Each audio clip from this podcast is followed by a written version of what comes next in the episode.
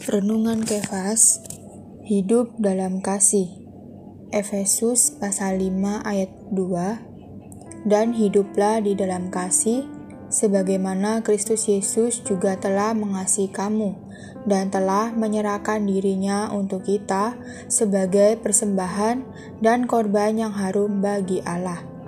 Dalam ayat 2 Paulus mengeluarkan perintah yang lain. Hiduplah di dalam kasih sebagaimana anugerah dan realitas adalah unsur-unsur dasar dalam pasal 4 ayat 17 sampai 32. Maka kasih dan terang adalah unsur-unsur dasar nasihat Rasul dalam pasal 5 ayat 1 sampai 33. Anugerah adalah ekspresi kasih dan kasih adalah sumber anugerah. Realitas adalah wahyu dari terang dan terang adalah asal mula realitas. Allah adalah kasih dan terang. Ketika Allah diekspresikan dan dinyatakan dalam Tuhan Yesus, kasihnya menjadi anugerah dan terangnya menjadi realitas. Di dalam Tuhan Yesus, setelah kita menerima Allah sebagai anugerah dan mengenal Dia sebagai realitas, kita datang kepadanya dan menikmati kasih dan terangnya kasih dan terang lebih dalam daripada anugerah dan realitas.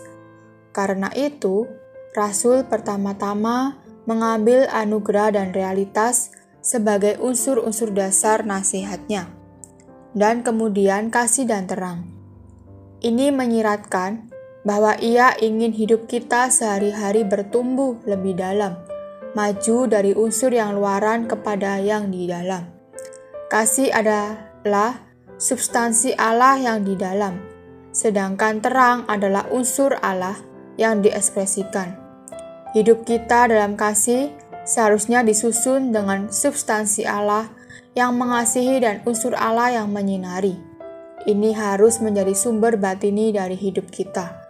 Paulus memerintahkan kita untuk hidup dalam kasih seperti halnya Kristus, mengasihi kita dan menyerahkan dirinya untuk kita sebagai persembahan dan kurban yang harum bagi Allah. Dalam Alkitab terdapat satu perbedaan antara persembahan dengan kurban. Suatu persembahan adalah untuk persekutuan dengan Allah, sedangkan kurban adalah untuk penebusan terlepas dari dosa.